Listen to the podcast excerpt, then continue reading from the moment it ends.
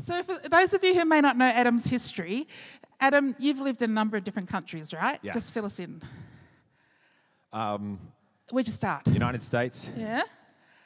China, Thailand, Australia. Where else? Australia. I think that's it. Yeah. I think that's it. We, and, and then a bunch of other places that we've stayed in in various lengths of time. But that's yeah, Malaysia and Singapore and Yeah. Yeah, So Asia. that's where you've lived. Yes, a lot of different places. Yeah. So born in Born in the United States. in yeah, the United yeah. States, but you now have Australian residency Yes, and yeah, citizenship. yeah, citizenship yeah, as yeah. well. Yeah. So he's he's losing his accent, don't you reckon? now I say all that because um, in December I asked you about preaching on this day, first day back, because Adam's an amazing, amazing teacher and preacher, as you'll discover, and we had a plan, right? And then this week something happened. What happened that interrupted your Um, plan? Oh well, I think we all know what happened. Uh, this happened, um, and so that Yeah. sort of I um, started to pray about that. I couldn't ignore it. I just couldn't look past it. Um, so I, I started to pray about that and what what I should do, like you know what what was the response to it, and it sort of it just struck in my stuck in my head. I don't want to like I'm not painting myself as like a super spiritual person. It's like oh yeah, you know, not really. I was on the treadmill. I was running Yeah, yeah. like a few k, and and it just came to me that you know you should talk about what we're going to talk about this morning, which has mm. to do with this a little bit, but mm. it's actually bigger than that. So mm. Yeah, Yeah. and that's how it came about. And, and when you emailed me and just said, hey, I think we're going a different tack, Mm. first of all, I love this church that we can actually come back and say, you know what, can we just talk about this? I feel like there's something different happening.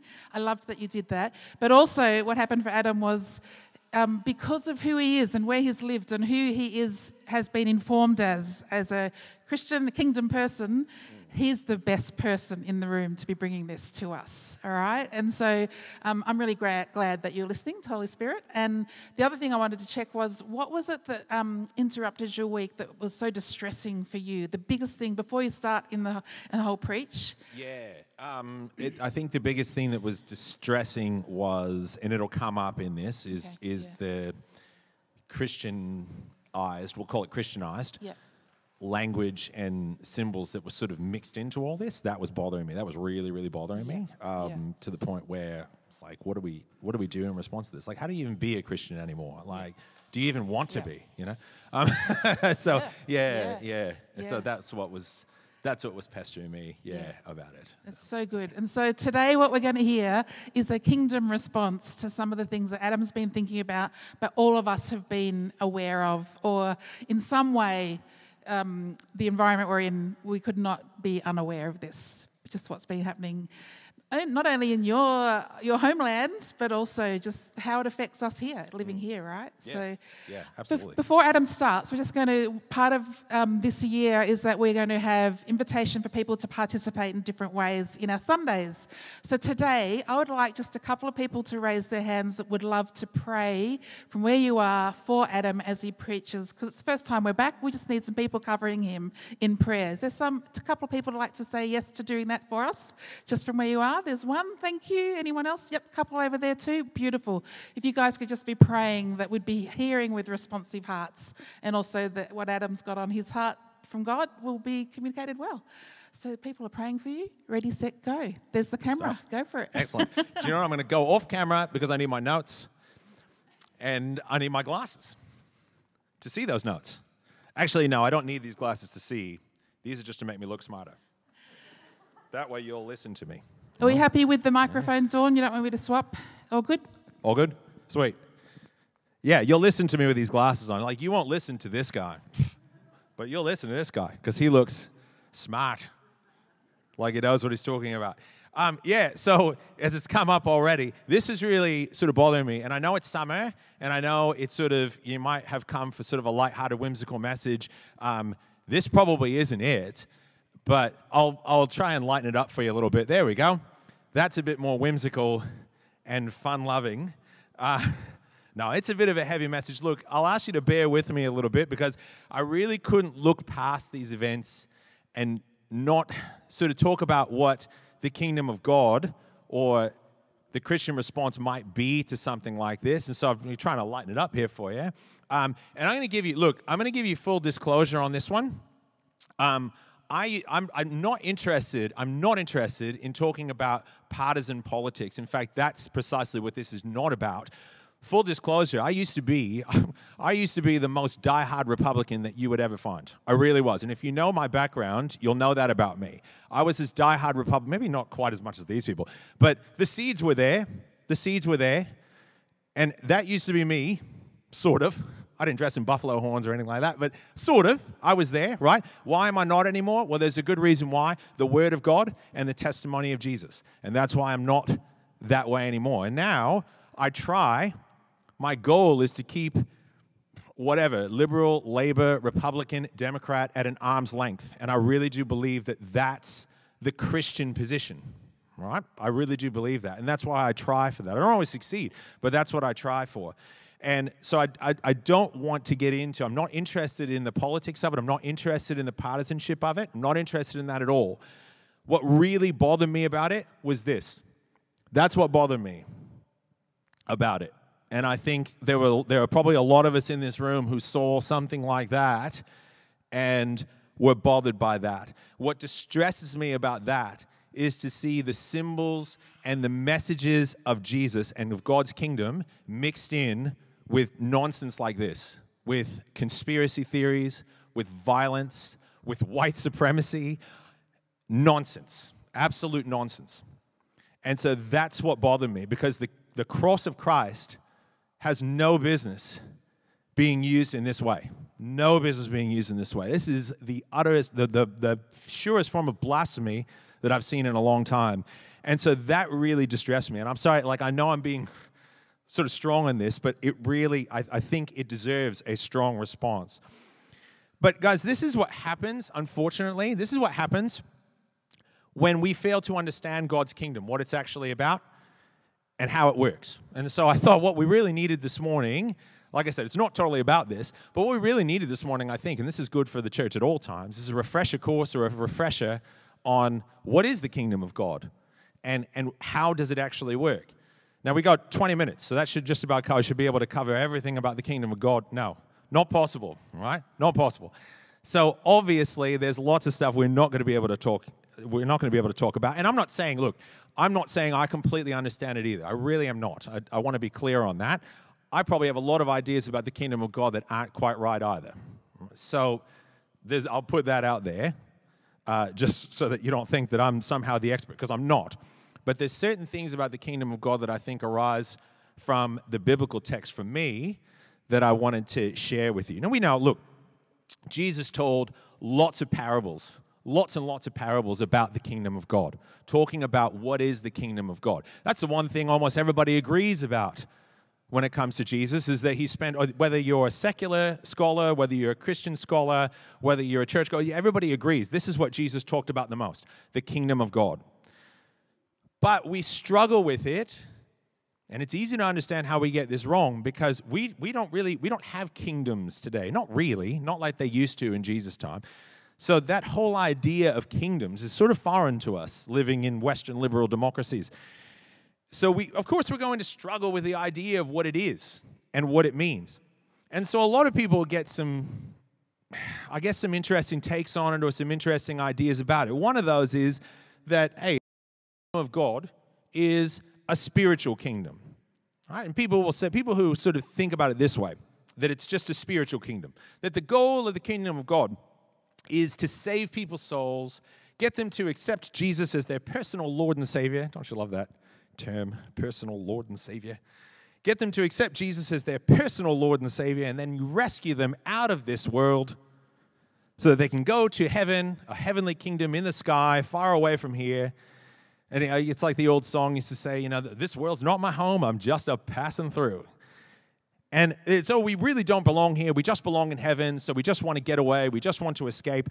And with that mode of thinking, the kingdom of God doesn't really have much to say about this world or about the quality of life within this world or the people within it. What really matters is the next world right? The world after this one. That's the only one that really matters. And people might even think that this world is just headed for destruction and it's going to end up on the cosmic scrap heap. And so there's no, there's no reason to worry about it or there's no reason to think that we need to do anything for this world at all.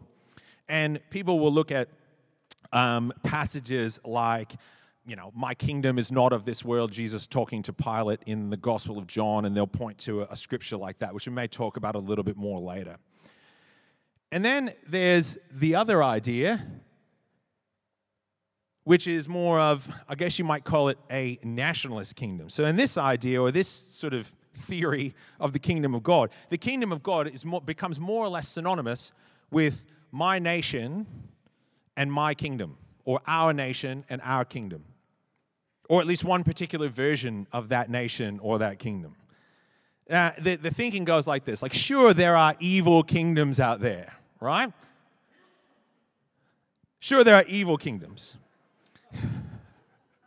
yeah, I, I couldn't resist that one. Uh, but don't worry, God has chosen some kingdoms of the world to be Christian, right? So that he can bless them and work through them. So I've chosen three of them. Hey, Simon, that one, that one at the bottom there. yes, that's for you, bro. Uh, yeah. So, in this way of thinking, these Christian kingdoms out there, right, their systems have been specially ordained by God, democracy, yeah? Their systems have been specially ordained by God, and their leaders have been specially chosen to, and, and they're uniquely anointed to work God, God's ways in the world. And we call this position, I'm going to use air quotes for this one, we call this position Christian nationalism. All right? And what happens in Christian nationalism is this that the symbols of Christianity and the symbols of the nation become pretty much interchangeable. Like you can use one or the other. And, and patriotism, the idea of patriotism becomes a Christian stance. And pledging your allegiance to the state becomes a Christian thing to do. And participating in the state ceremonies and celebrating its wars becomes a Christian thing to do. And this whole idea, it's not new. This idea is pretty old. It's been around since Constantine. There he is, very lifelike. Constantine, if you know anything about Constantine, he was a, a Roman emperor. And um, it wasn't easy for him because he had to actually do battle with some other rival emperors, even to become the emperor of Rome. And in one of these battles, or before one of these battles, famously, he saw a vision. And in the vision, he saw this symbol. This symbol is called the Chi Rho symbol. It's the first two letters of Christ in Greek. And it, you know, it's been a Christian symbol for a long time. Anyway, in his vision, Constantine, he sees this symbol. And he hears the words, in this sign, conquer.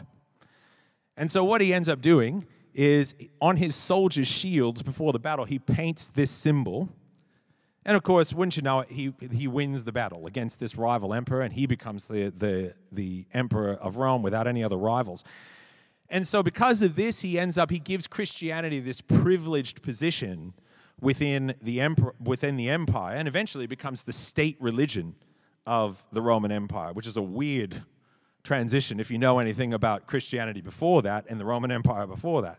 And so, ever since then, we've had this pervasive idea of Christian nations, that there are such things out there Christian nations and Christian empires that God establishes and blesses and works through, all that kind of stuff. And this whole thing in, in, the, in the minds of people who hold this view of the kingdom, it tends to work through coercion, force, it's this sense that the power of the state can be used to enforce the will of God. That you know, laws can be passed, or wars can be fought, and people can be compelled to be godly, or people can, can be compelled to be moral, or at least very, at the very least, their evil can be suppressed by force. And, and the idea is if we get Christians, if we get the right people into positions of influence, and power, then we can achieve God's ends. If we get them into the right position, if we just put our people in positions of power, then we can enforce our will on the world. Uh, this, there's a, a, version of this known as the Seven Mountains Mandate that you, that you may have heard of. I'm not going to go into it because it's complicated. But this whole idea, what, what really what really unsettles me about it is it's accompanied so often by a language of, of militancy and aggression. And it's a language of conquest and a language of takeover. And, and as we'll see, the kingdom of God does not work like that.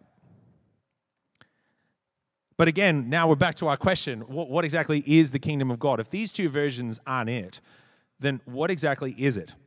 Well, I want to talk about three things. Like I said, we can't talk about everything to do with the kingdom of God this morning. I would encourage you to, I would encourage you to read for yourself some of the things I'm going to talk about, but also I'd encourage you to go back to the Gospels and read what Jesus says about the kingdom of God for yourself, because it's always good to refresh our sort of refresh our minds and renew our minds on what the kingdom actually is.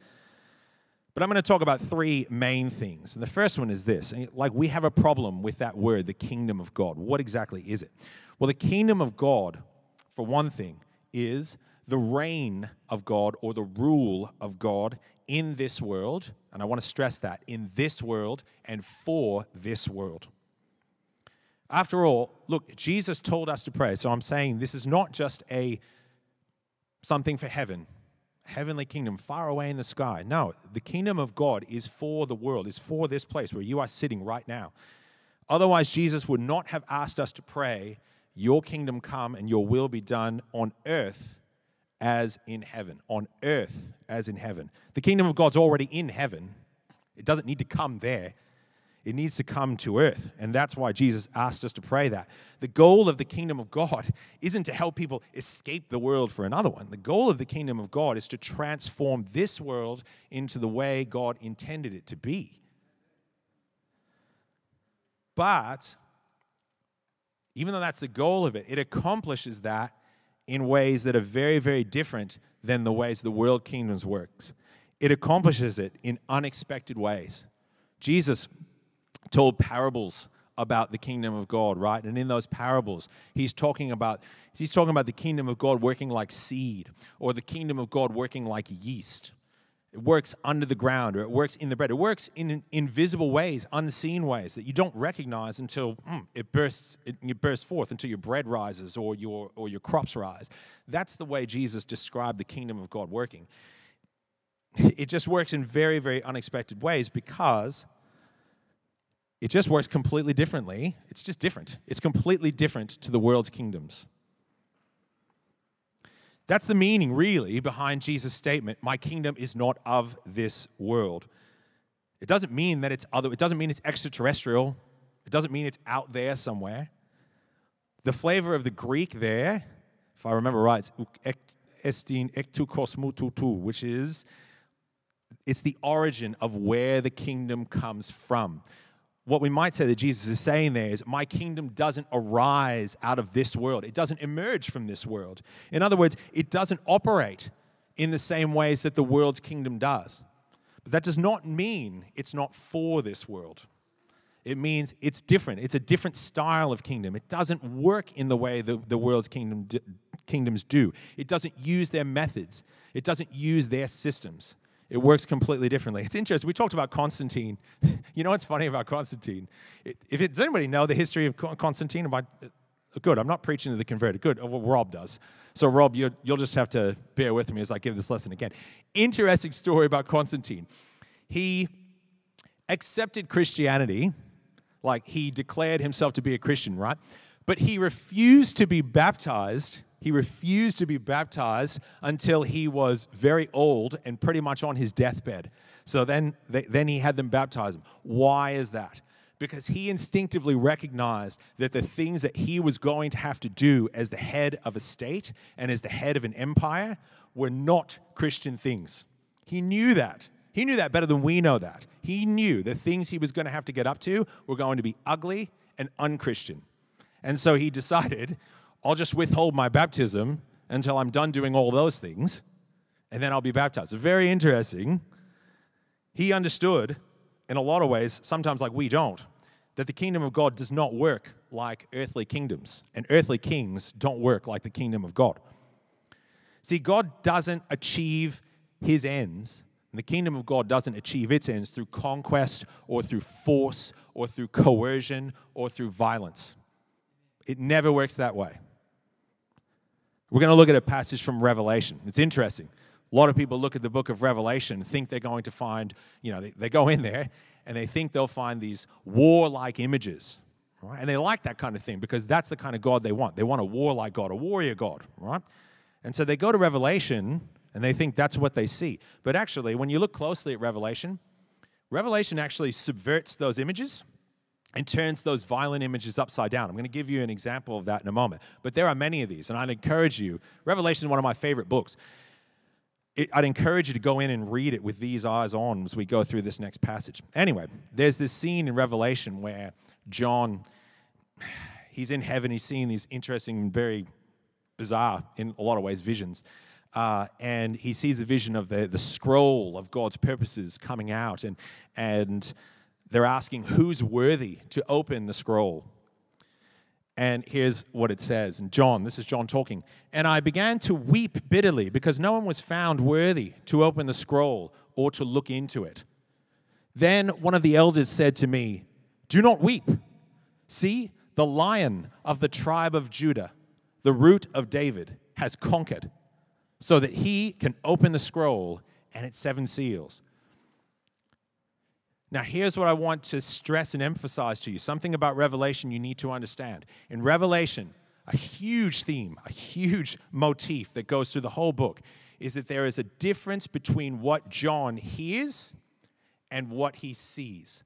A huge difference between what he hears, and that's, that's on purpose. The book is written that way that there's supposed to be a difference between what John hears said and what he actually turns around and sees. So he hears this thing here about the lion of the tribe of Judah who conquers, right? This warrior image. And then he sees this. Then I saw between the throne and the four living creatures and among the elders a lamb standing as if it had been slaughtered. So John hears about this powerful lion this powerful warrior. But what he actually sees is a lamb, and not just a lamb, but one that's been sacrificed, because that's how Jesus conquers.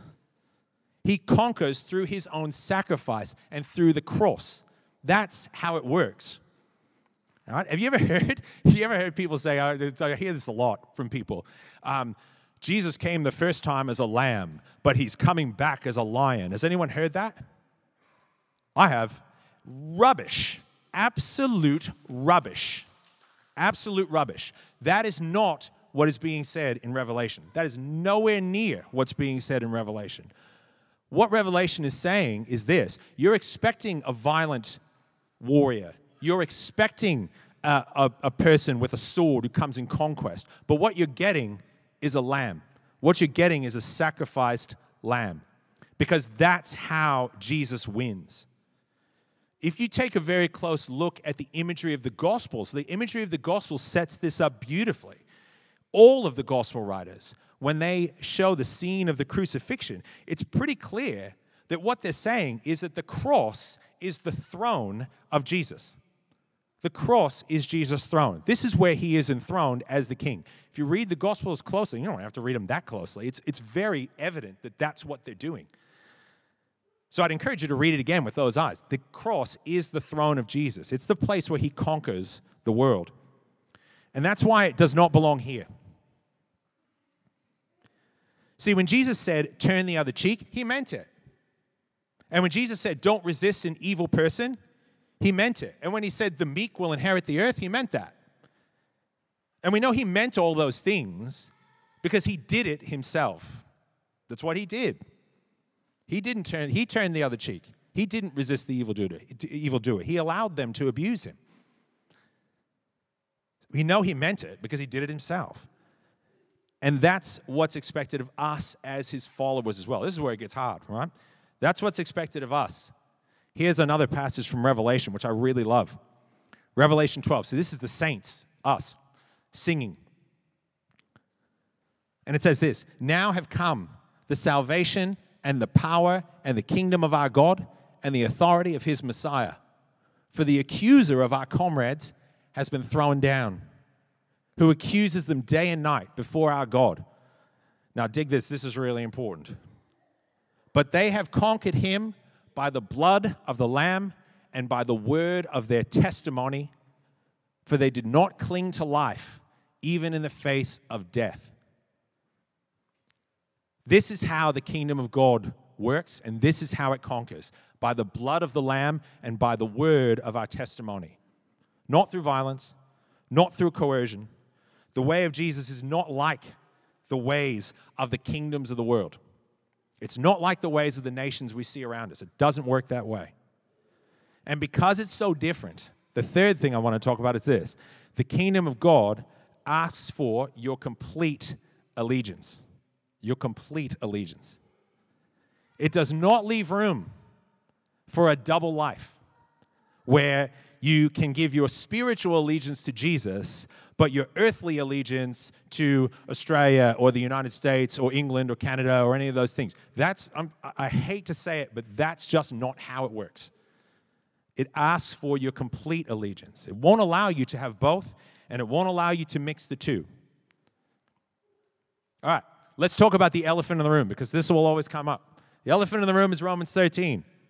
This one will get trolled out, trolled out every time sort of Christian nationalism wants a verse to sort of support its support its its ways and its its means. This passage will get sort of trundled out to do the job. It goes like this. You've heard it. Let everyone be subject to the government authorities. For there is no authority except that which God has established. The authorities that exist have been established by God. Consequently, whoever rebels against the authority is rebelling against what God has instituted, and those who do so will bring judgment on themselves. Slam dunk, right? That's a slam dunk. People will say, There, you see, it says God does establish our governments. So maybe we should be patriotic and maybe we should give our allegiance to them because God established them. But we need to look below the surface at what's going on here. We can't just read it at a surface level or a flat level and think that we got it all figured out. We have to understand Paul is coming from a Jewish worldview, a Jewish point of view. This is the Jewish worldview. Anarchy and chaos are the worst possible situations. For a Jewish thinker, the worst thing in the world is chaos. The worst thing in the world is anarchy, a lack of order. And so, in the Jewish worldview, honestly, even a terrible government is better than no government at all. Even a terrible government is better than anarchy. Even a terrible government is better than chaos. And that's the Jewish way of thinking. And that's the way of thinking that Paul emerges from. So here's what Paul is saying Paul is saying governments are authorized by God to maintain order. They're placeholders, basically, until the kingdom of God is completely fulfilled. They're not great, but they're better than nothing. And he's talking, by the way, that's any government.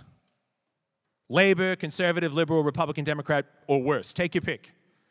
Any government, whatever, the, whatever its nature, is established by God just to maintain order, just to keep things sort of mm, from falling apart too much until finally the kingdom is consummated. So he's saying, follow the law, live at peace, don't rebel, don't promote chaos. That's all he's saying here. Now, here's what he's not saying, and this is important. Here's what Paul is not saying Paul is not saying that the government is Christian or even good. He's not saying that you should align yourself with the political systems of the world.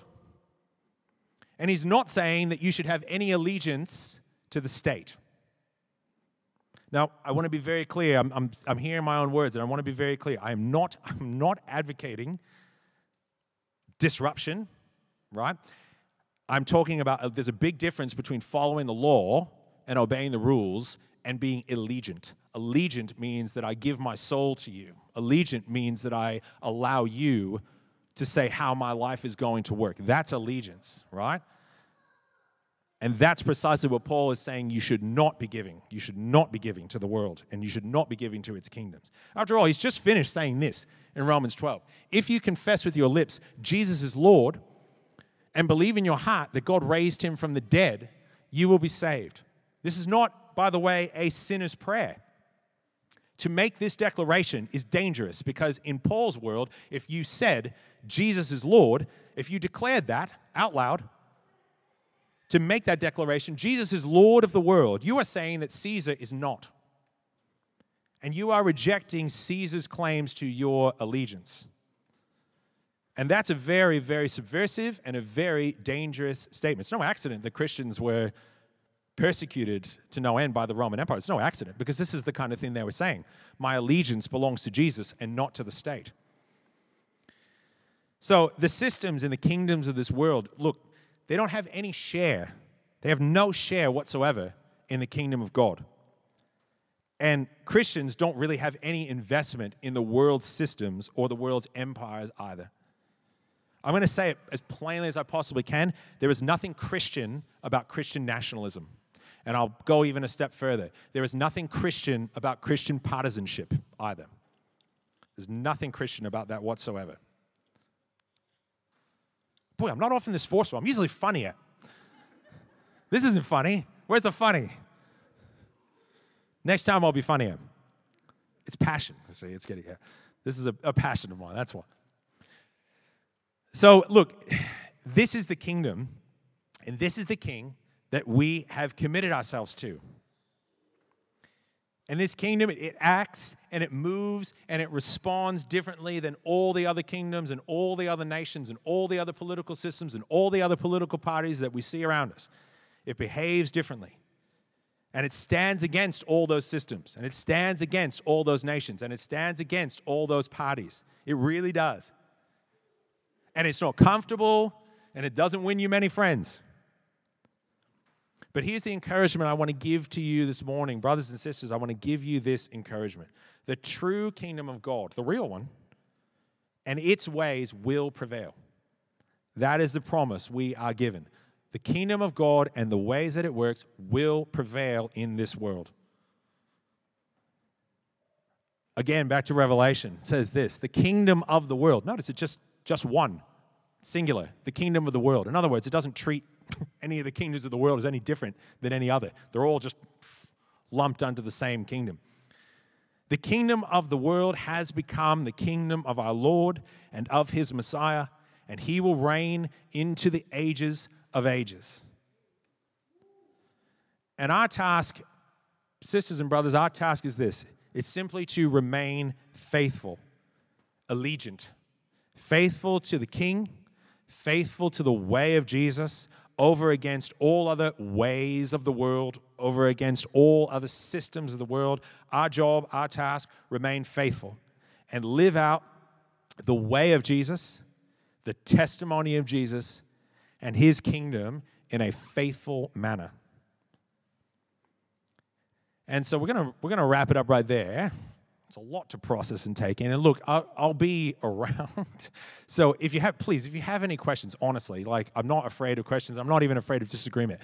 If you have any questions, please come find me. I'm happy to talk to you about these things if anything sort of stirs up in you at all. Um, what I really want to do right now is I want to end with the Lord's Prayer. I want us to, I want us to pray that prayer together because Jesus told us when you pray, pray this way. That's exactly what he said. He didn't actually say pray a prayer like this, he said pray this prayer. So when we pray this, I hope, I hope you'll indulge me because what I've done is i have kind of popped up a bit of a different translation.